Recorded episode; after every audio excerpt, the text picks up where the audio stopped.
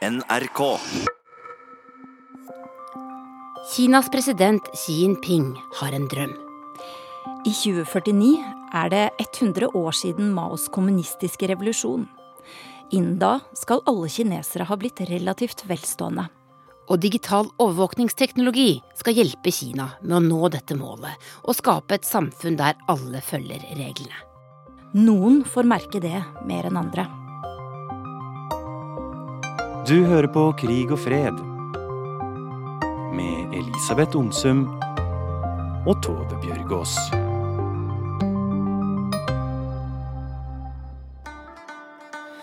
Hun blir født 15. i september i 1965. Hun er ganske fint mor. Hun er veldig morsomt og pleier å støtte meg når jeg var der òg, så hun mener at jeg må studere mest mulig slik at jeg får meg en god jobb. Og så tjene masse penger og behjelpelige til henne hvis hun blir syk og sånne ting. Hei, eh, dette er Marvina Tørsund. Eh, jeg kommer fra nordvest i Kina. Jeg er, akkurat nå så er jeg masterstudent her i Universitetet i Stavanger med linje økonomisk analyse, og jobber jeg utenom Sara i Stavanger som er CL-assistent. Når var det du kom til Norge? Altså 2010, i februar, kom jeg hit til Norge. Jeg kom eh, rett og slett alene. Men eh, når jeg reiste fra Kina, så var det en del folk som var reiste sammen, men eh, jeg kjenner ingen av de. Det var altså foreldrene dine som sendte deg hit til Norge. Hvorfor ville de at du skulle reise fra Kina? Jeg hadde bare mor der, for mor, foreldrene mine ble skilt når jeg var tre år. Så det var mora som har bestemt seg at jeg reiser, forlater landet. Hun fikk ikke visum til å reise sammen med meg. Hun sa, at, hun sa til meg at hun hadde eh, betalt ganske mye penger for at jeg kunne reise fra eh, land til land. Hvordan, hvordan var den reisen? Det var helt forferdelig, for jeg var 17 år når jeg reiste fra. Så jeg var livredd, så jeg visste ikke om hva kom til å skje videre. Jeg var lei av at jeg reiser uten familie, og moren min er fortsatt der. Og så, så det er forferdelig å tenke tilbake, men Hva gjorde du når du kom til Oslo? Jeg prøvde å finne et sted, det som politistasjon prøvde jeg å finne eh, for å søke asyl. Så fant jeg det stedet, så kom jeg hit. Og så etter hvert så kom du til Stavanger? Ja, de, de sendte meg som barnemottak siden jeg var under 18 år. Der bodde jeg en stund, og så deretter så fikk jeg plass dalemottak eh, på Sandnes. Og nå har du vært i Norge i ni år. Ja. Og hvordan har disse årene vært? Det var veldig krevende år. Ja, jeg lærte meg språket, jeg fikk lærte meg norsk samfunn, jeg fikk venner, jeg fikk jobb, jeg fikk studieplass og alt. Men eh, jeg var så glad at jeg kom hit, og jeg er langt unna undertrykking frem til jeg mistet kontakten med moren min. Altså til og med 2017, så jeg var så glad at jeg kom hit. Men nei, nå føler jeg ikke det akkurat samme som før.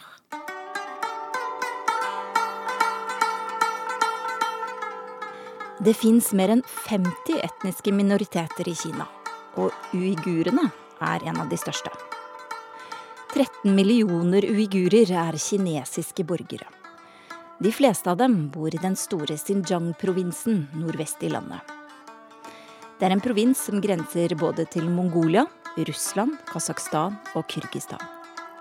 Xinjiang er den eneste provinsen i Kina med muslimsk flertall, for de fleste uigurer er muslimer. Hva slags folkeslag er det du kommer fra?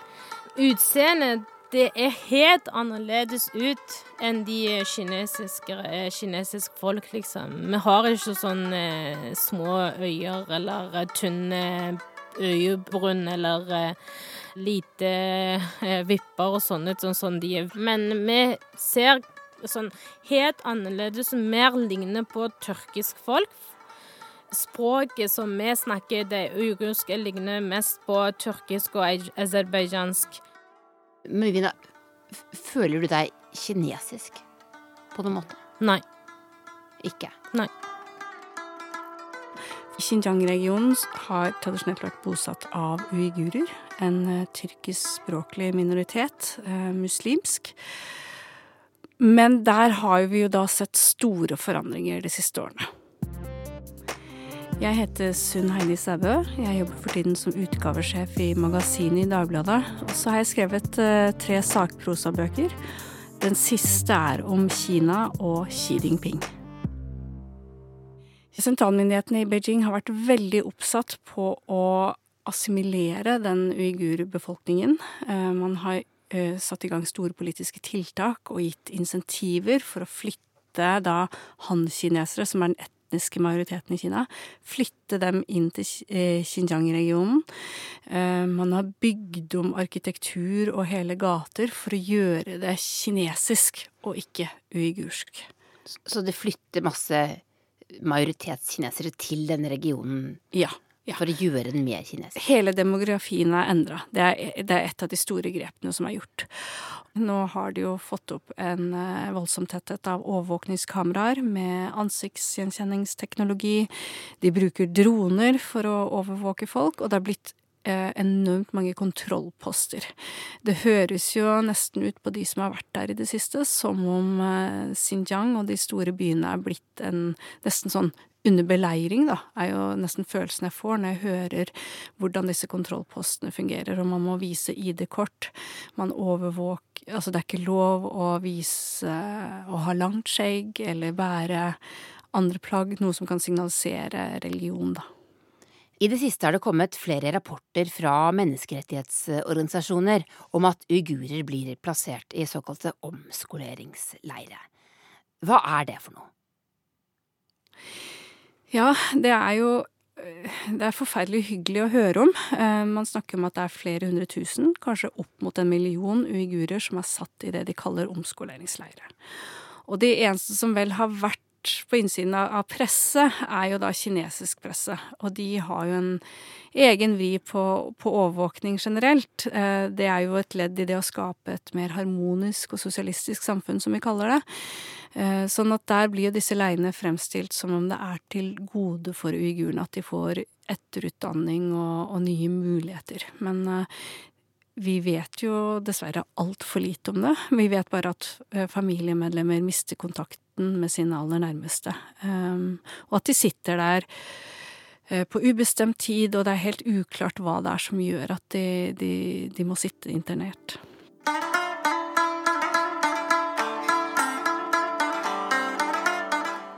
Mervina, er det lenge siden du snakket med moren din nå? Ja.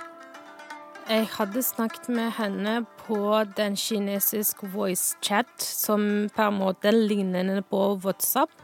Det var november i 2017, og jeg skulle ta en eksamen, den siste eksamen jeg skulle ta i 2017.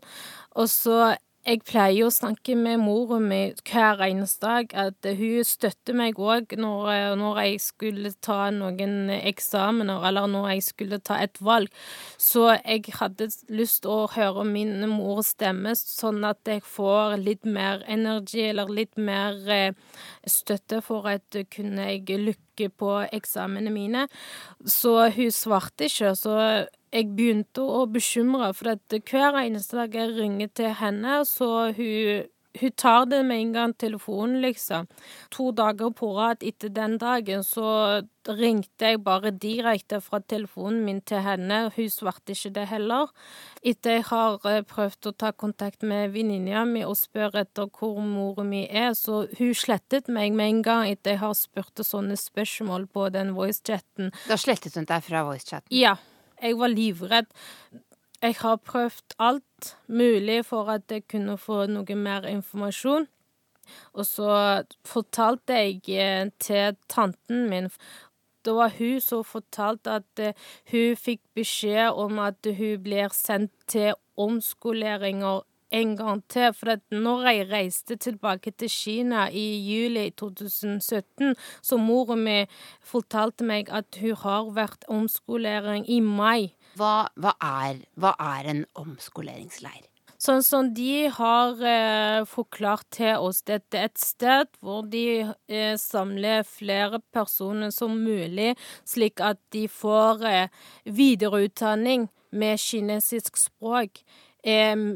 Og for å lære seg eh, samfunnet i Kina, eh, og så hvor eh, hvem er presidenten, eller hvem er kommunisten, eller hva er kommunist, og sånne ting som de må lære seg på nytt. Og så mer sånn dyp sånn språkutdanningen, sa de, at de må lære seg og så friske opp hjernen. Men så, nå har du altså ikke hørt fra henne på og et halvt år? Ja. Vet du om hun er i en sånn leir nå? Jeg fikk hørt um, at uh, moren min blir dømt i fengsel i flere år uten uh, rettslige grunner. Det har du fått høre? Ja, det har jeg fikk hørt fra tanten min. Mervina, som vi har snakket med, hun beskriver at, at moren hennes først var en omskoleringsleir, men nå mener hun at moren er i fengsel. Vet du noe om hva som er liksom veien fra det ene til det andre her? Jeg tenker at Det er litt av den der distinksjonen som vi prøver å trekke, f.eks. også når det kommer til Nord-Korea. Eh, at det finnes jo grader av Det finnes jo politiske fengsler som, som kanskje er verre, og så har man disse omskoleringsleirene og sånn. Eh, så det finnes helt sikkert ulike typer former for um, institusjoner hvor man da avgrenser noens eh, frihet. Men det store spørsmålet vi bør henge oss opp i, er ikke kanskje distinksjonen, men det faktum at så, et så stort antall mennesker mister sin frihet, og det er veldig uklart hva det er som gjør at de må sitte internert, da.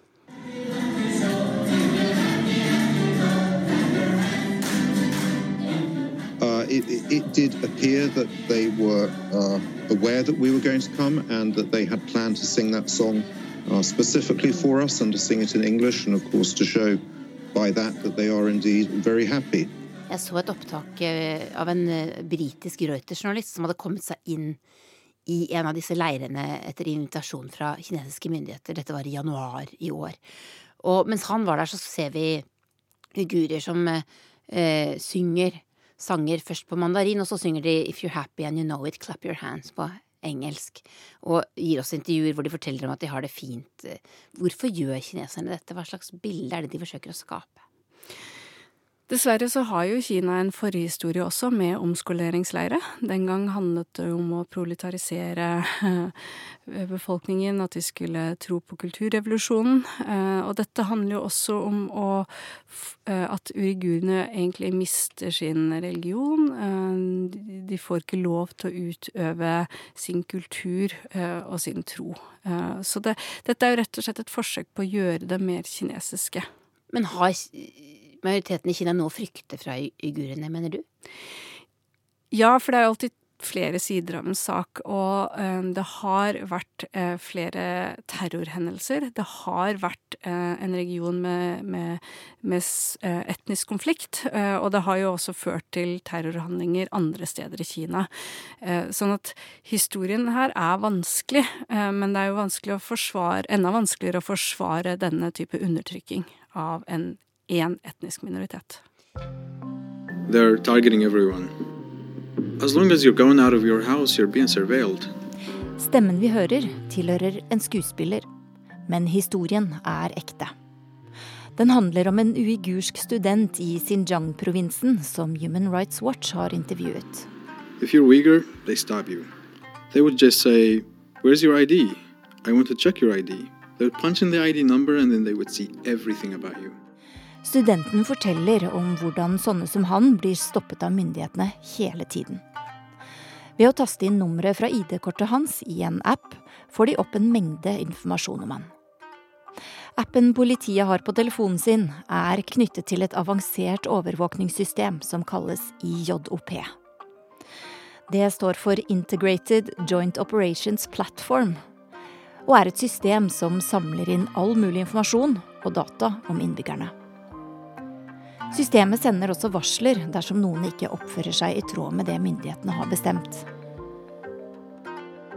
So the IJOP system is pulling information from the numerous checkpoints in the region, is pulling information from uh, the gas stations in the region. In order to fill the cars with gas, when they go into the gas station, they have to go through facial recognition. They have to use their ID card, and uh, only after this kind of stringent process can they go into the gas station. My name is Maya Wang, and I am the senior China researcher for Human Rights Watch, and I'm based in Hong Kong the government officials um, in Xinjiang, they visit uh, Turkic Muslims very regularly. So we're talking about every day or several times a day, or for some families, every week or every two weeks, depending on how politically reliable they are. They and when they, go to their homes, actually, to visit them. Yes. So government officials go into their homes and um, both to monitor them and poke around and also to indoctrinate them uh, you know te- teach them about mandarin teach them how to sing the national anthem teach them to be loyal to the chinese communist party. So the app is connected to the ijop system but the ijop system is also sending information to the app uh, that is in the hands of the government officials. So um, through uh, getting all these sources of information the ijop system is basically flagging groups of people or names of people who need to be further questioned or interrogated because the system considered them to be problematic or suspicious. So, what we have done eh, at Human Rights Watch is that we get a hold of this app and we reverse engineered it. So, we looked into the app itself, what it's telling the government officials to do, and we found that the app is telling government officials that there are these groups of people uh, who are suspicious. You are claiming that more than a million Uyghurs who are seen as suspicious are being sent uh, to these uh, indoctrination camps in Xinjiang. The fact is that nothing, again, in Chinese law authorize their establishment. They are completely illegal. And in these facilities, um, people are subjected to political indoctrination. Um, they are required to literally sing praises of the Chinese Communist Party and of President Xi. In these camps, also, there have been reports of overcrowding, not enough food, being very cold. Um, people being punished for being unable to learn.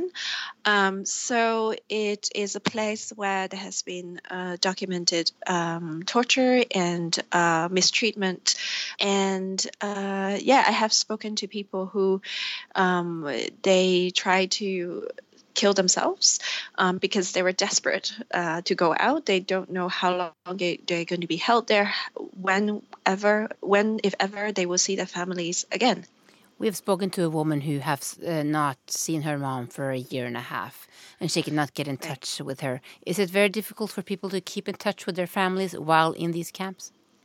Correct. Um, because part of the Strike Hard campaign, as I have explained with the IJOP app, a lot of the behaviors in which the authorities are punishing people for or, uh, or monitoring people for, for are completely lawful behavior that you and I probably do. Uh, using WhatsApp, for example, is uh, a punishable offense now in Xinjiang. Contacting your families abroad is considered a suspicious activity uh, by the Xinjiang authorities. So, do you think there there's anything uh, that the outside world can do to alter uh, Chinese uh, authorities' behavior? I think there is. I think the Chinese government cares uh, about what the uh, governments, other governments say and do, and I think for that reason, I think the government has put a lot of pressure on um, countries uh, like Norway, uh, governments like Norway, to um, make sure they um, don't speak out. Um, and I think the Norwegian government um, has been particularly weak on um, the issue of Xinjiang, and but but I mean I think a number of I, I, would say the responses by foreign governments so far to the issue of Xinjiang has been weak in comparison to the gravity of the abuses that is happening. Dette er Kinas president. Denne uka holdt han en tale på en konferanse i Beijing Å tro at ens rase eller sivilisasjon står over andres, er både dumt og katastrofalt, sa han.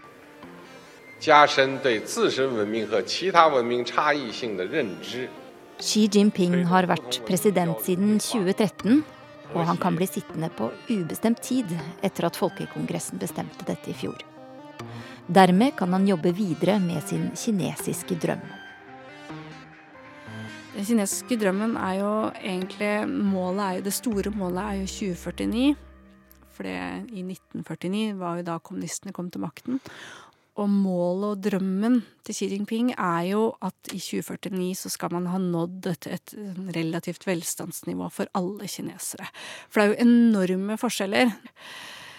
Og det er der jeg tenker at man må liksom se på Xi Jinping og Kina det er ikke det at det er et autoritært regime som er villig til å ta i bruk undertrykkende Eller eh, føre en politikk som er undertrykkende, så betyr jo ikke det at hans utgangspunkt for alt han gjør, er å være undertrykkende og liksom at han er bestialsk og, og sånn, men rett og slett han Han tar i bruk de virkemidlene han føler han må for å nå de målene Kina har satt seg.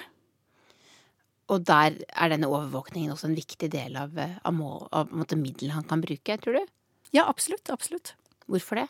Jo, det er jo nettopp for å skape dette harmoniske samfunnet, hvor folk følger reglene, hvor man kanskje ikke da har en uigursk minoritet, for eksempel, som har denne sterke identiteten sin. Eh, I stedet så har de kanskje det er jo det de legger opp til, at de skal slutte å lese Koranen, slutte å ha langt skjegg, kvinnene skal slutte å bære hodeplagg, det er ikke sikkert det er så fristende å gå i, i moskeen lenger, eh, ut ifra det, det regimet man fører i Xinjiang nå. På denne veien mot den kinesiske drømmen, som Xi Jinping altså ønsker å nå i, i, i 2049, hvilken rolle spiller for eksempel eh, USA og Vesten? Som mange andre land så er de utrolig opptatt av USA. Og det store målet er jo egentlig å på et vis gå forbi USA. Det er de de måler seg mot hele veien. Og nå vil de inn De vil dominere alt som har med teknologi å gjøre. Sånn at der hvor USA og Trump snakker om at uh, bare de kan straffe kineserne nå, så kommer arbeidsplassene tilbake i de tradisjonelle industriene så snakker Kina om den fjerde industrielle revolusjonen, hvor de vil lede an. Og det er mye som tyder på at de egentlig ligger eh, godt an til å oppfylle det, da. Og da sitter de selv på teknologien og kan bruke den slik som de vil? Ja.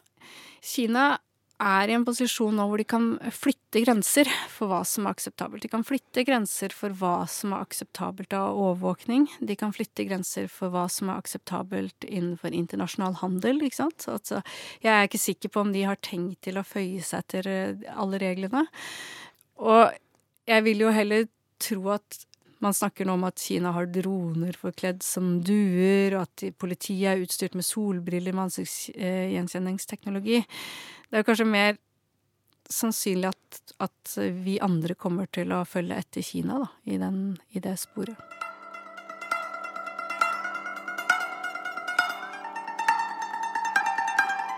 Mervina, hvordan, hvordan har du det egentlig nå?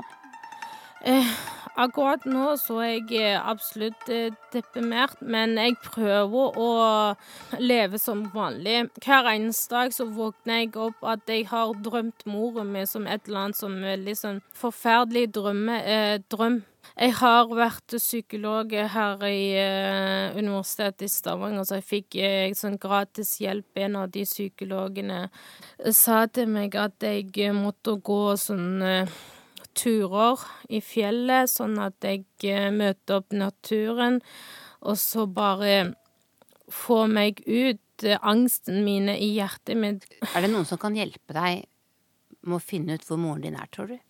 Nei, nå har jeg rett og slett å bare prøve å gjøre så mye, så mye som mulig, slik at jeg gjør press i Kina for at jeg kunne frigjøre mora mi. Derfor jeg er her og ta eh, den intervjuet her sammen med deg. Og jeg har nylig, altså nylig lagt en video, eh, publisert jeg på Facebooken min òg, slik at eh, mer folk kan vite òg hva som har skjedd i livet mitt. Eh, er du redd for at det, at det kan også være farlig?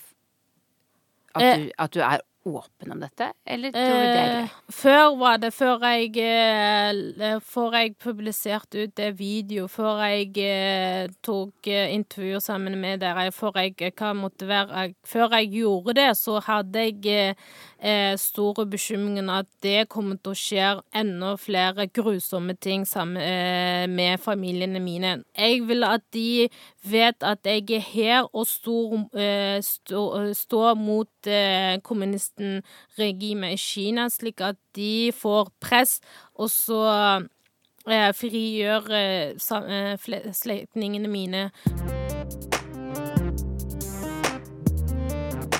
Krig og fred. Podkast fra NRK Urix.